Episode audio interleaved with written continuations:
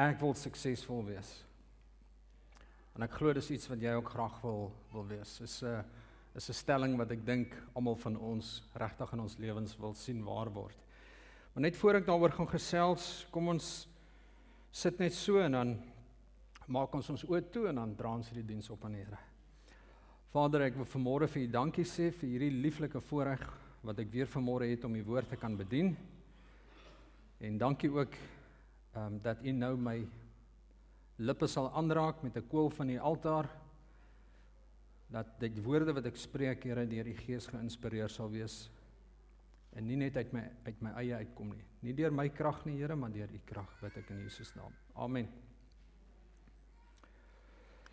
Ons wil almal suksesvol wees. Ek dink as ek vanmôre hier moet vra wie wil nie suksesvol wees nie, sal hier niemand wees wat hulle hande gaan opsteek en sê, "Ja, ek wil nie suksesvol wees nie." Almal wil. Die verskil kom egter in hoe ons sukses definieer. Die afgelope paar weke het ek en my vrou het ons so Bybelstudie gedoen van Rick Warren en die gedagte van hierdie boodskap is geïnspireer deur daardie studie. So ek wil vanmôre ook ehm um, erkenning gee dat baie van die gedagtes uit uit dit uitkom wat ek geleer het deur hierdie studie. Maar ehm um, dit is vir my belangrik dat wanneer ons praat van sukses, dat ons sukses reg sal definieer reg van die begin af. Want hoe ons praat van sukses en hoe ons sukses definieer verskil van elke persoon. Elke persoon gaan vir jou 'n ander manier gee van sukses. Die een gaan sê ehm um, dis om om geen skuld te hê nie en baie baie bates te hê en vlo te floreer en ander een sal vir jou sê weet jy nee dit is om 'n goeie gesonde lewe te hê en die ander een sal sê dit sal goeie verhoudings wees en so ons ons gaan sukses op verskillende maniere definieer. Maar ek wil vanmôre wil ek begin En ek wil vir hierdie teksvers wys. Kyk wat sê hy hierso. Hy sê Jeremia 29 vers 19. Hy sê ek weet wat ek vir julle beplan het, sê die Here. Ek beplan voorspoed vir julle, nie teenspoed nie. Ek wil hê dat julle hoop vir die toekoms moet hê. En in Engels sê hy for I know the plans I have for you. Ons krag in daai woord. I know the plans I have for you. Met ander woorde, regte sukses is is om te wees wie God jou gemaak het om te wees. As jy wil weet hoe werk 'n sekere ding wat jy gaan koop, dan vra jy mos die persoon wat dit gemaak het. God het vir my en vir jou gemaak. Hy is die outeur van lewe. En dit is as gevolg van sy wil dat ek en jy vanmôre hier kan sit, dat ons gesond kan wees en dat ons vanmôre kan sê, Here, hier is ek. Ek behoort aan U. Gebruik my soos wat U my wil gebruik. En ek glo en vertrou dit is wat jou hartsbegeerte is. Ons weet net nie altyd hoe om hierby uit te kom nie. Maar hier sê die woord van die Here vir ons, ek weet wat ek vir julle beplan het. Wil jy nie ook weet wat God vir jou beplan het nie? Is dit nie ook vanmôre 'n begeerte in jou hart nie, want dit is in my hart. Dis 'n geweldige begeerte om te weet wat het God vir my beplan. En ek wil niks anders in hierdie lewe doen behalwe om te stap in die spore van Jesus en te wees wie hy vir my bedoel het om te wees nie. Nou hier's 'n stelling en jy kan hierdie stelling nou onthou, ek gaan dit nou-nou weer vir jou gee. Jy is deur God gemaak en vir God gemaak. En nie voor jy dit verstaan nie, sal niks anders in hierdie lewe vir jou sin maak nie. Jy's deur God en vir God gemaak. Jy's vir God se plesier gemaak, jy's vir God se doel gemaak. Jy is vir God se rede op hierdie aarde geplaas en nie voor jy dit verstaan nie, sal niks anders in jou lewe vir jou sin maak nie. Ek het 'n klomp vriende wat baie praat ek het ehm um, praat vanmôre oor uh ehm um, van my vriende wat life coaches is, maar hulle is nie hulle praat nie oor die Here, dit's nie regtig ehm um, bekeerde mense nie. En ek dink by myself, hoe wat coach jy oor hierdie lewe as jy nie Christus kan inbring in die saak nie? Hy is die outeur van jou lewe. So alvorens jy nie verstaan dat jy is as gevolg van sy plesier en vir sy doel nie, gaan al die planne wat jy maak en jou lewe glad nie vir jou sin maak nie. Dit is 'n feit. Nou, ons grootste geskenk wat die Here vir ons gegee het, is ons vermoë om besluite te kan neem. Ek dink die die grootste vryheid wat die Here vir ons gegee het, is om 'n besluit te, te kan neem. Die probleem is ook dat die grootste geskenk ook ons grootste probleem is, want ons neem dom besluite. Nie al die besluite wat jy neem is goeie besluite nie. Ons neem dom besluite en elke keer wanneer ons 'n dom besluit neem, misbruik ons eintlik hierdie vryheid wat die Here vir ons gegee het om besluite te kan neem. Ons ons eh, vermors eintlik die vermoë wat die Here vir ons gegee het om te kan om te kan reageer op die op sy leiding en op sy stem in ons lewens. En as ons nie hierdie hierdie ding kan regkry nie, dan gaan ons baie moeilik indien enigstens God se wil vir ons lewens kan snap. Dit gaan amper onmoontlik wees Ehm um, as jy nie die stem van die Here in jou lewe kan hoor en daarop reageer nie, sal jy nie kan doen met jou lewe wat God wil hê jy moet met jou lewe doen nie. You're going to miss your purpose. So ek wil vanmôre wil ek met jou praat oor 'n paar besluite wat jy kan neem, vier besluite spesifiek. As jy hierdie besluite in jou lewe gaan toepas, dan sal dit jou lewe drasties verbeter. Die res van jou lewe sal die beste van jou lewe wees Hierdie besluite sal jou lewe totaal en al transformeer. Dis dieselfde vier besluite wat Moses gemaak het. Nou kom ek vertel jou 'n bietjie iets van Moses. Moses is een van die bekendste mense en miskien dalk een van die mees suksesvolste mense waarvan die Ou Testament praat en waarvan die Bybel praat. Ons lees oral van Moses. So Moses is 'n baie bekende, hy's 'n baie beroemde Bybelse figuur wat gedoen het wat God van hom verwag het. Dit was Moses gewees wat onder die salwing van die Heilige Gees na die kragtigste, magtigste persoon op die aarde toe gegaan het, Farao in daardie tyd. Met die sterkste mag in die koninkryk wat op daardie stadium bestaan het, Egipte, die Farao, die koning van Egipte, En Moses was die persoon wat na hierdie man toe gegaan het en hom gaan konfronteer het en vir hom gesê het: "Farao, van vandag af gaan jy nie meer slawe arbeid hê nie. Die slawe wat hierdie rykdom vir jou opgebou het, we're not going to do it any longer. Ek gaan hierdie mense wegvat." En ek dink Farao moes gesê het: "Jy en wat 'n army." En ek dink Moses het gesê, "Um Ek I submit under a higher authority. Ek buig onder die koning van die hemel en die aarde. Jy sien Farao was beskou as 'n god. So belangrik was hy. Ek gaan nou-nou praat oor wie Farao was. Maar Moses is die ou wat na Farao toe gegaan het en gesê het ek gaan hierdie miljoen Jode vat wat vir 400 jaar onder jou mag was, onder die mag van Egipte wat slawe arbeid arbeid, arbeid ge, ge, ge, gebring het. Ek gaan hierdie hierdie miljoen mense vat en ek gaan hulle lei na vryheid toe. Dit was Moses. Hy was die ou. Moses was die persoon vir wie God die 10 gebooie gegee het. Wow. Moses was die ou vir wie God die 10 gebooie wat die wat die aarde en sy mensdom ingrypend verander het. God het daardie 10 gebooie vir Moses gegee. Dit was Moses wat die eerste 5 boeke van die Bybel geskryf het. Genesis, Exodus, Levitikus en Numeri en Deuteronomium. God het dit vir Moses gegee. Wat maak Moses so 'n spesiale persoon? Hoekom het God hierdie man so geweldig gebruik? Hoekom en ek kan vanmôre vir jou sê omdat hy besluite geneem het wat sy lewe ingrypend verander het. So as jy kyk na Moses se omstandighede, wil ek vanmôre wil ek vanmôre vir jou die volgende sê. Wat met jou gebeur in hierdie lewe? Jou omstandighede waarin jy groot geword het, wat met jou gebeur is nie naaste by so belangrik soos die besluite wat jy in jou lewe gaan neem nie of gemaak nie. Want jy maak jou besluite en as jy jou besluite klaar gemaak het, dan gaan jou besluite jou maak.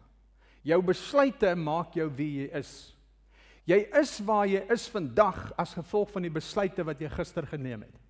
As jy in 'n beter toekoms wil ingaan, gaan jy vandag op hierdie oomblik gaan jy nuwe besluite moet maak, gaan jy goeie besluite maak en jy gaan die vermoë en die krag wat God vir jou gegee het om besluite te kan neem, gaan jy vanmôre gebruik en jy gaan sê Here, ek neem vandag 'n besluit om in 'n beter toekoms te beweeg.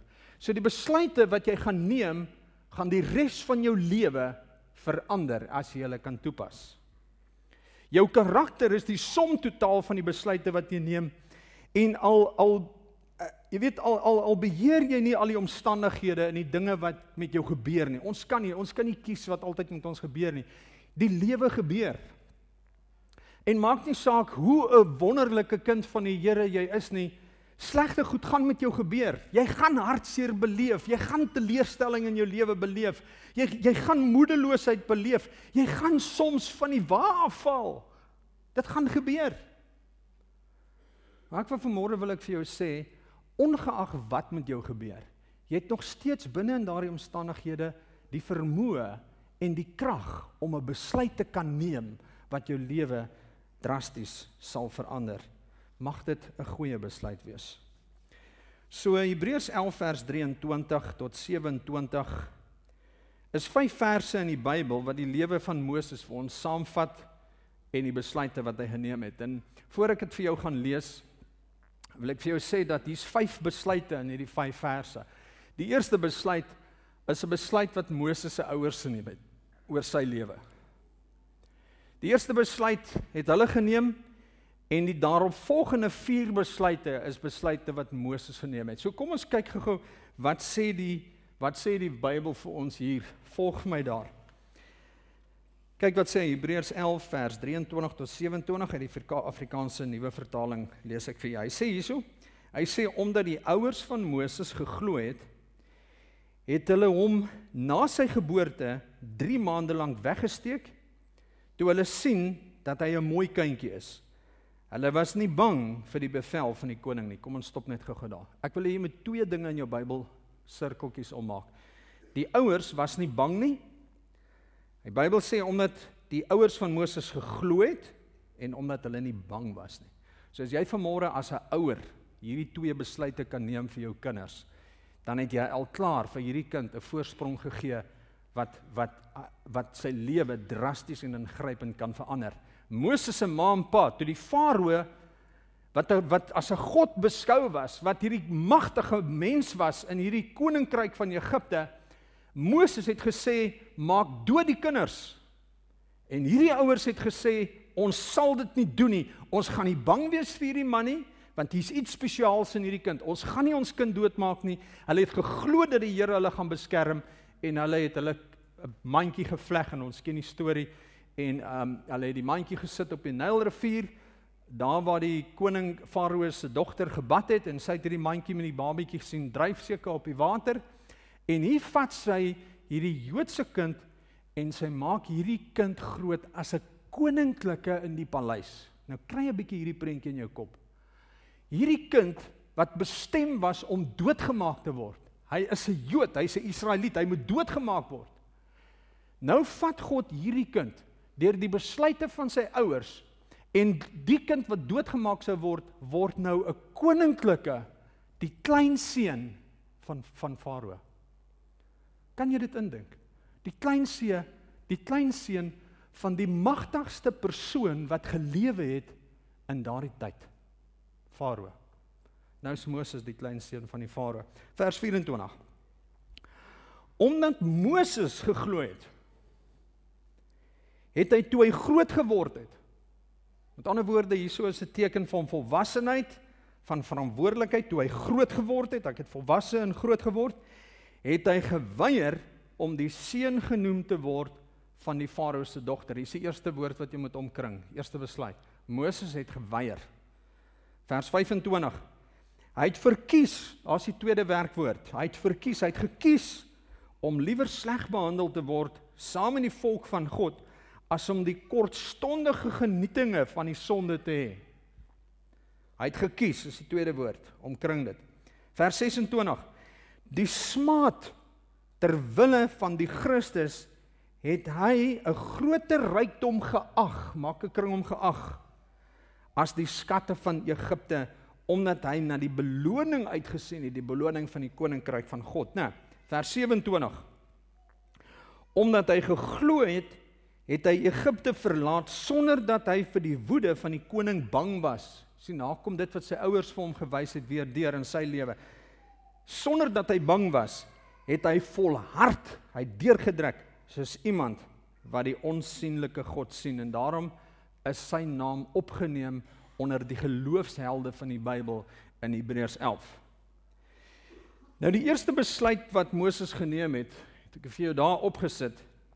Moses het geweier om deur ander gedefinieer te word. Dit kyk wat sê die woord daar. Hy sê omdat Moses geglo het, het hy toe hy groot geword het, hy geweier om die seun genoem te word van die farao se dogter. Dis die eerste besluit wat jy in jou lewe moet neem, is dat jy sal weier om deur ander mense gedefinieer te word.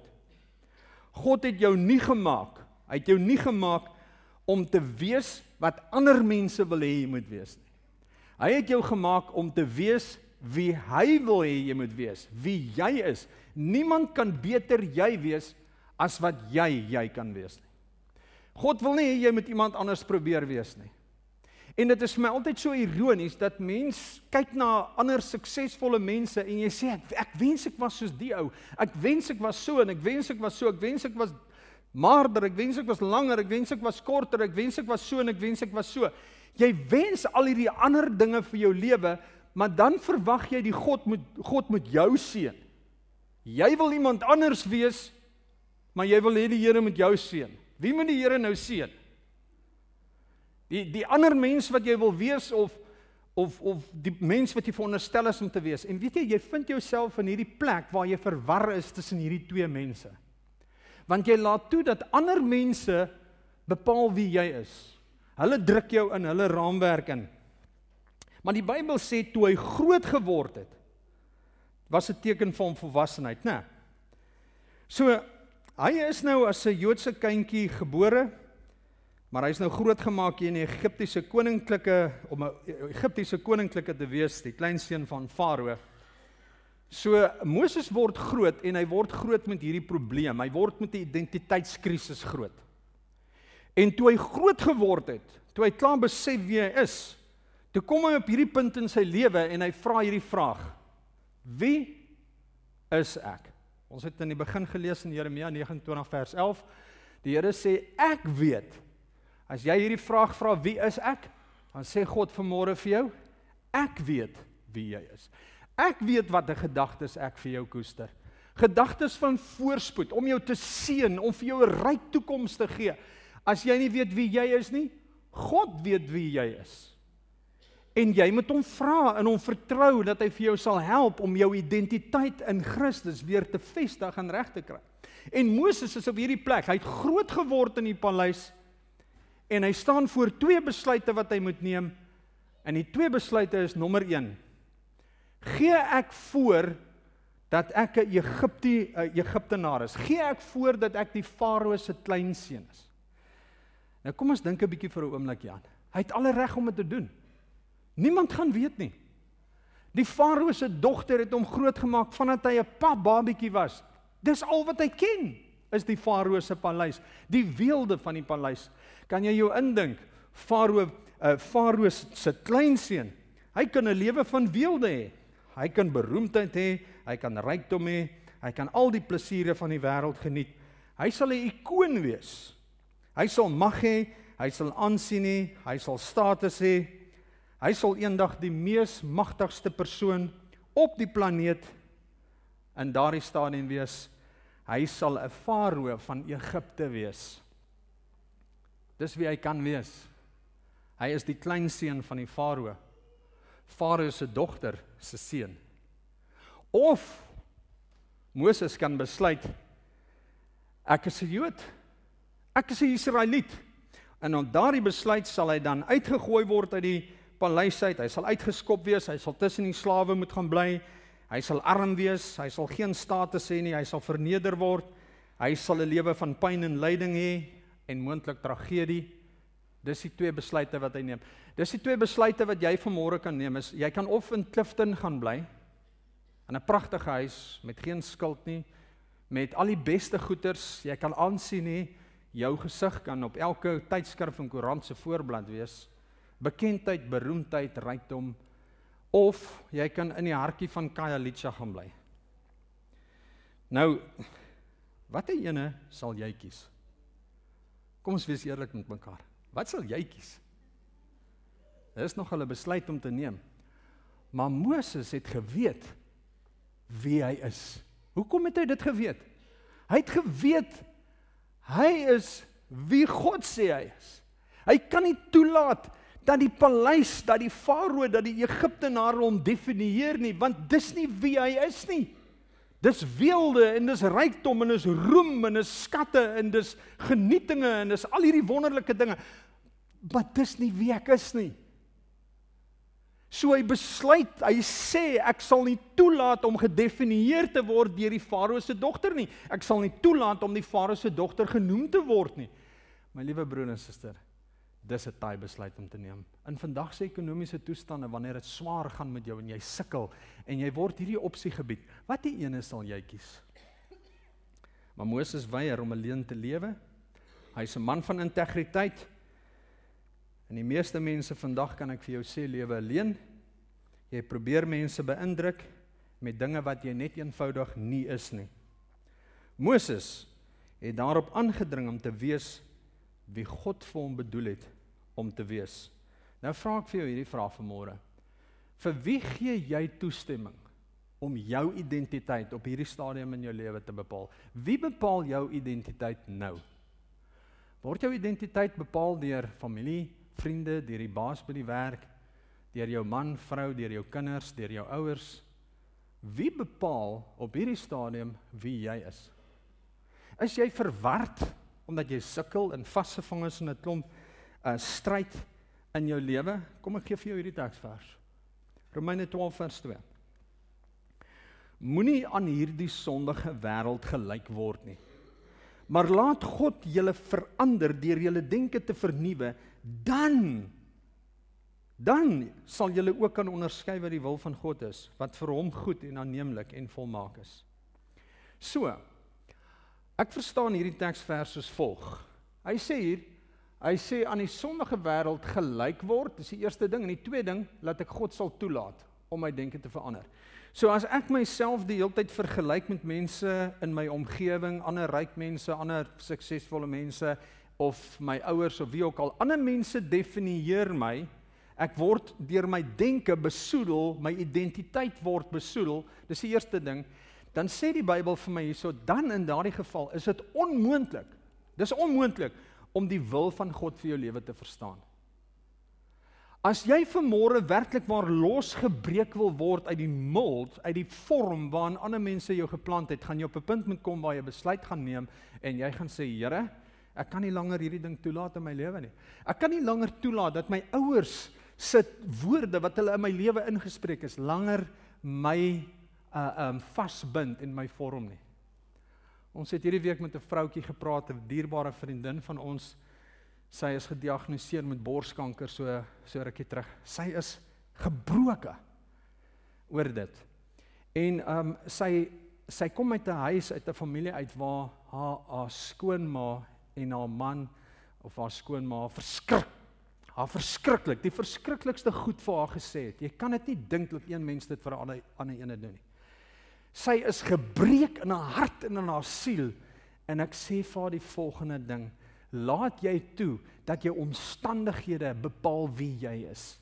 Jy het jou identiteit in Jesus Christus verloor. Kry dit terug in die naam van Jesus.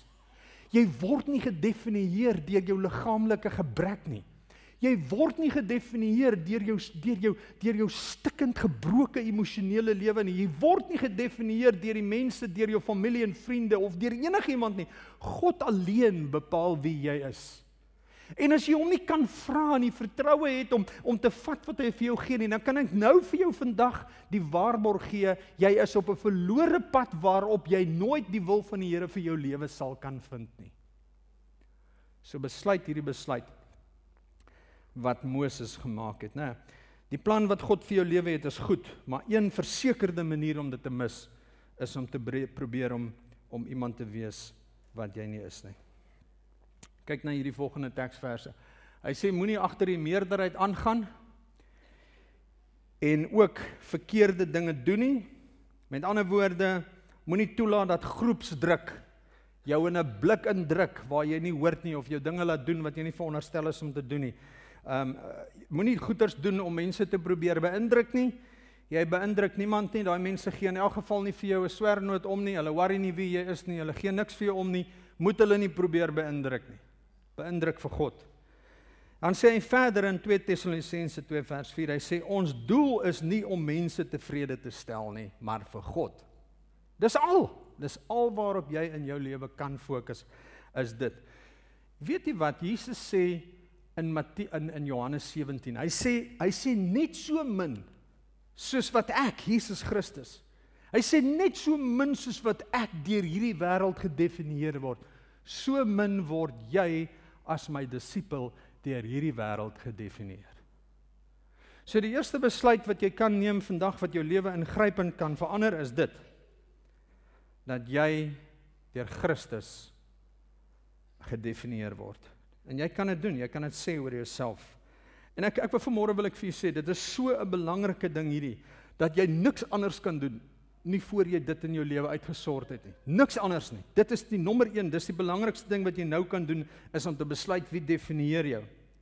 Wanneer jy weet wie jy is, maak dit jou vry van enige afkeuring wat mense in jou mag hê. Dit maak jou vry van kritiek, van verwerping van al hierdie dinge. Jy sien want weet jy wat gebeur?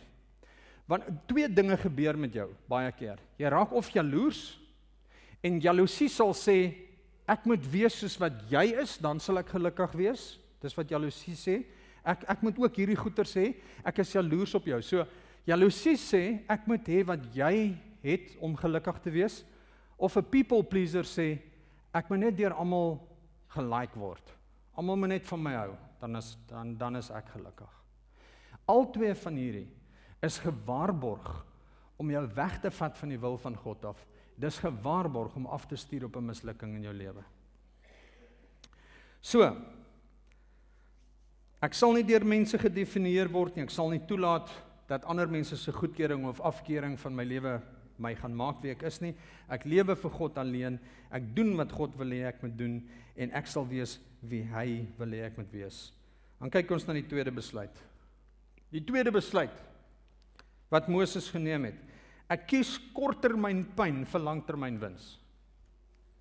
Nou pyn nou gain.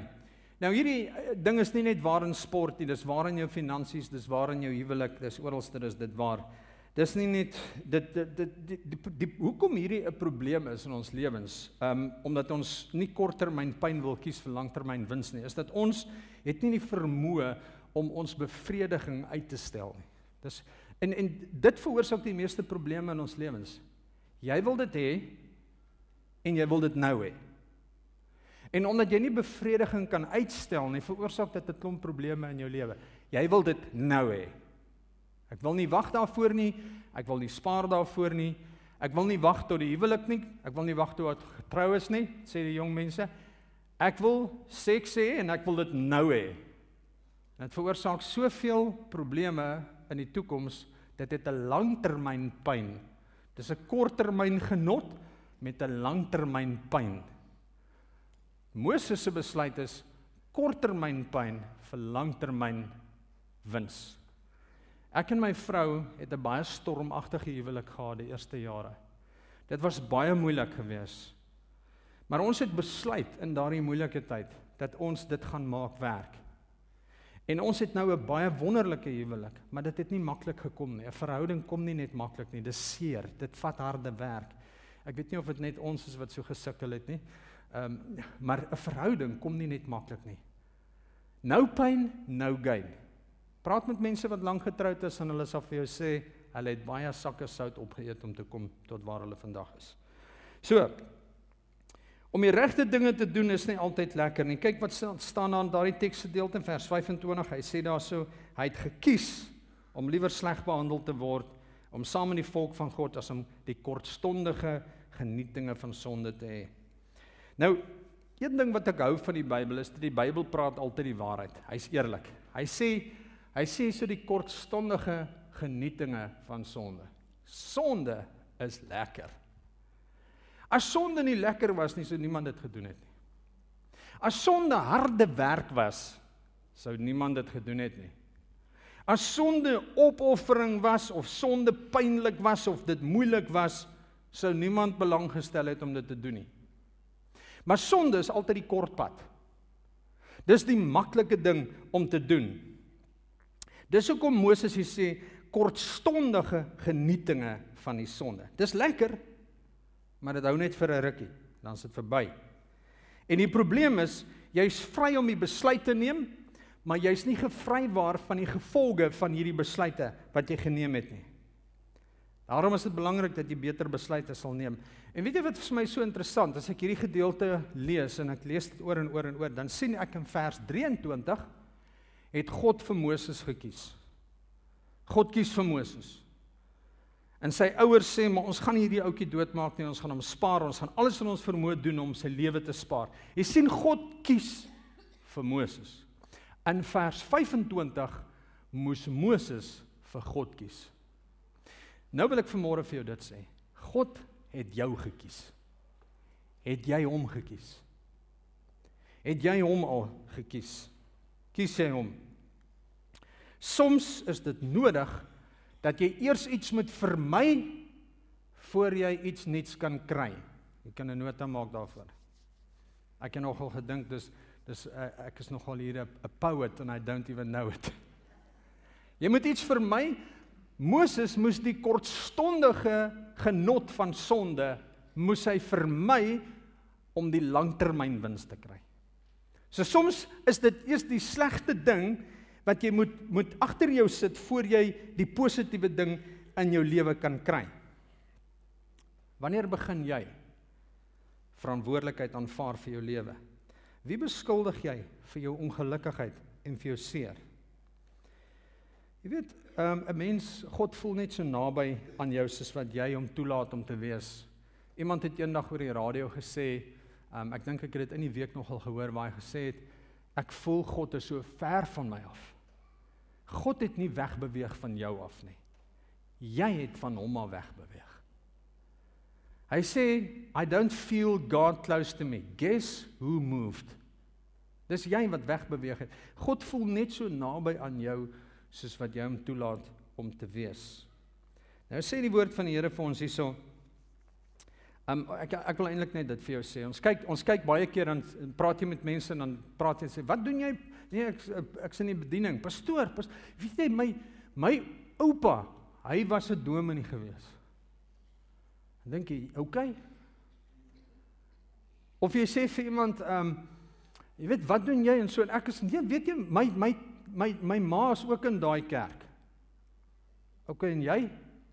Baie keer dink ons dat ander mense se verhouding met God is my kaartjie hemel toe. Jy weet? Nee, my my oom, my ons het my oom is ook 'n pastoor. My ma is baie lief vir die Here. OK? En jy? Ander mense se verhouding met Jesus Christus is nie jou kaartjie hemel toe nie. Jy moet self verantwoordelikheid neem vir jou verhouding met God eh, met met God. Niemand anders kan jy beskuldig vir jou geestelike verhouding nie. Niemand kan jou lewe verwoes behalwe jouself nie. Luister mooi. Ander mense kan jou seermaak. Ander mense kan jou kan jou teleurstel. Ander mense kan jou wond, maar niemand kan jou verwoes nie. Net jy verwoes jouself. Niemand anders kan dit doen nie. Kyk gou wat sê die Bybel hier. Hy sê Romeine 5 vers 3 tot 4. Ek gaan net die een vers lees. Hy sê dit is egter nie al nie ons jubel selfs in ons swaar kry, want ons besef dat die swaar kry ons leer om te volhard En op sy beurt kweek dit volharding, betroubaarheid van karakter en betroubaarheid van karakter versterk ons toekomsverwagtinge. Hy sê in Engels, hy sê troubles produce. Jou moeilikheid is produktief. It produce. Dit groei. Dit bring iets goeds voort. Troubles produce. Ek wil hê jy moet vanmôre besef dat wanneer jy deur moeilike tye gaan, dat hierdie moeilike dinge net tydelik gaan wees. Kyk gou hierso. 2 Korintiërs 4 vers 17. Hy sê ons swaar kry op hierdie oomblik is gering en tydelik. Maar dit bewerk vir ons 'n heerlikheid wat alle verre weg oortref en vir altyd sal vas staan. 2 Korintiërs 4 vers 17. Moses besluit om die korttermyn genot van sonde eenkant toe te skuif om langtermyn wins te kry. Hoekom gaan ek deur al hierdie seer en ongemak? Ek is kom ek sê vir jou, God is meer geïnteresseerd in die vorming van jou karakter as in jou gemak. Dit is 'n feit. Jou omstandighede gaan dalk nie onmiddellik verander nie. Maar ek wil vir jou sê jou omstandighede sal nie vir altyd aanhou nie. Dit gaan nie die Bybel sê so. Jy kan vir my vandag sê, ja maar pastoor, jy weet ek het 'n ek het 'n gebrek. Ek is so gebore. Is reg, jy's so gebore. Maar weet jy vir altyd vir altyd eindig nie die dag wanneer jy sterf nie. Die die die einde van die, wanneer jy sterf. Dr. Isak Burger het dit eendag mooi gestel. Hy het gesê wanneer jy wanneer jy sterf is dit die einde van die dood en die begin van die lewe. Is nogal mooi. Jou dood is nie die einde van jy nie. Jy kan dalk vir 90 of selfs 100 jaar lewe met jou gebrek. Dis tydelik in vergelyking met die biljoene en biljoene jare van die ewigheid. Jou hartseer en jou verdriet hou nie vir altyd nie, maar weet jy wat hou vir altyd? Die vorming van jou karakter, dit die besluite wat jy geneem het, die gevolge van die besluite wat jy geneem het in jou omstandighede, dit gaan vir altyd hou. Die karakter wat jy geleer het deur die tye van jou swaar kry en sukkel, dit is die dinge wat vir altyd gaan hou. Jou probleem gaan nie vir altyd hou nie. Die besluite wat jy binne in daai probleem geneem het, dit gaan vir altyd hou. En dit gaan 'n gevolg hê wat tot binne in jou ewigheid gaan instrek. Daarom is dit belangrik om reg te kies Die derde besluit wat hy geneem het. Hy kies God se waardes bo die wêreld se waardes. Hierdie was vir my regtig baie goed geweest. Kyk wat sê hy in vers 26. Hy sê die smaad ter wille van die Christus het hy groter rykdom geag as die skatte van Egipte omdat hy na die beloning uitgesien het. Nou ehm um, ek kies God se waardes vir my lewe. Dis die besluit wat ek moet neem en nie die wêreld se waardes nie. Nou wil ek hê jy moet 'n bietjie hieraan dink. Moses sou 'n god gewees het, 'n god in Egipte. Daar was letterlik niks wat hy nie kon gehad het nie. Hy kon aansien gehad het en beroemdheid. Hy kon plesier gehad het net soveel soos wat hy wou gehad het. Hy kon al die skatte van Egipte gehad het net soos wat hy wou gehad het. Maar weet jy wat sê hy daar? God se waardes bo die wêreld se waardes. Dis wat hy besluit. Wat is die belangrikste vir jou? Wat is die top 3 waardes waar volgens jy jou lewe lewe? Kan jy dit opnoem? Kan jy dit opnoem? Myne is integriteit, goedhartigheid en vrygewigheid. Dis my waardes. Dis die drie waardes waarvan waar volgens ek my lewe wil lewe. As jy joune nie so kan opnoem nie, dan volgens wat lewe jy dan? As jy nie weet watter waardes in jou lewe die waardes is waar volgens jy lewe nie, volgens wat lewe jy dan? Die probleem is dat wanneer jy nie hierdie waardes in jou lewe vasmaak en daarvolgens lewe nie, gaan iemand anders vir jou jou waardes bepaal waarvolgens jy moet lewe. Jou omstandighede, jou familie, jou jou ouers, jou kinders, wie ook al, iets anders gaan die waardes van jou lewe bepaal. Daarom is dit uiters noodsaaklik om hulle te kies. Nou kyk gou-gou hierso, ek het hierdie opgesom vir julle. Die waardes van die wêreld. Beroemdheid, aansien en mag volgens vers 24 in Hebreërs 11. Plesier, Moses sê die genot van die sonde en besittings. Nou wil ek vir jou vra, dink jy dis vandag nog dieselfde? Dink jy dis vandag nog waar volgens mense dis nog steeds net vandag presies dieselfde? Dit is die waardes van hierdie wêreld. Daar's nie een advertensie my liewe broer en suster, nie een enkele advertensie wat jy vandag op die TV gaan sien wat nie een van hierdie waardes gaan uitbeeld nie. Dit is die norme, dis die dis die waar volgens hierdie wêreld lewe. Dis wêreldse beginsels. Ons soek partykeer wêreldse plesier, die wêreldse posisie en die wêreldse goed. Maar Moses Moses kom en hy draai sy rug op dieselfde goed wat ons partykeer ons hele lewe voor lank voorwerk. Luister mooi daarna. Moses draai sy rug op dieselfde dinge wat ek en jy partykeer ons hele lewe aanwy om te verkry. Ons wil plesier hê, ons wil baie graag beroemdheid hê en ons soek al die besittings. Moses sê ek draai my rug op hierdie goed. Ek kan nie ek kan nie daar volgens lewe nie. In Farao se paleis sou hy alles gehad het wat sy hart begeer het. Hy sou die rykste man gewees het, die belangrikste persoon. Hy sou al die skatte gehad het in die Farao se paleis. Hy sou hy sou Farao se opvolger gewees het. Hy sou 'n god gewees het in Egipte. Maar hy draai sy rug op dit. Hoekom draai Moses sy rug op dit? Hy gee vir ons die antwoord. Hy sê want hierdie dinge is kortstondig. Dit is net tydelik. Ek geniet dit net vir 'n rukkie. Wat dan? Wat gebeur dan? Hierso is die antwoord. 1 Johannes 2 vers 17. Die wêreld en sy begeerlikhede is aan die verbygaan. Wie die wil van God uitvoer, leef egter vir altyd. Moses moes dit geweet het. God moes dit aan hom geopenbaar het. Ek wou vanmôre wil ek vir jou vra, hoeveel tyd van jou lewe spandeer jy om al die waardes van die wêreld in jou lewe 'n werklikheid te maak? Jy's nie tevrede met jou omstandighede nie, want omstandighede maak ons seer. En ons probeer ons hele lewe fokus om ons omstandighede te verbeter en ons besef nie hoe ons die waardes van die wêreld in ons lewens in, integreer nie. En ons vra net die vraag: God, wie wil jy hê moet ek wees nie?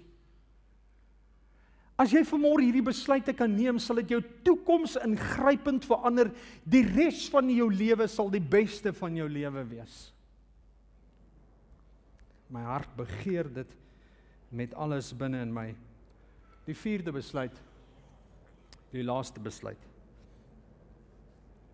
Moses kies om deur die geloof te lewe eerder as deur vrees. Nou lees mooi gou-gou. Kyk wat sê hy daar vers 27 Hebreërs 11. Hy sê omdat hy geglo het, omdat Moses geglo het, het hy Egipte verlaat sonder dat hy vir die woede van die koning bang was. Hy het volhard soos iemand wat die onsigbare God sien. As jy nie die een kies nie, dan kies jy die ander een. Dis hoe dit werk. As jy nie geloof kies nie, dan kies jy vrees. Jy kan nie jy jy kan nie geloof kies en en nie vrees nie. Of um, jy kan nie jy kan nie vrees kies maar jy glo ook nie. Ek is bang maar ek glo. Jy kies of die een of die ander ene.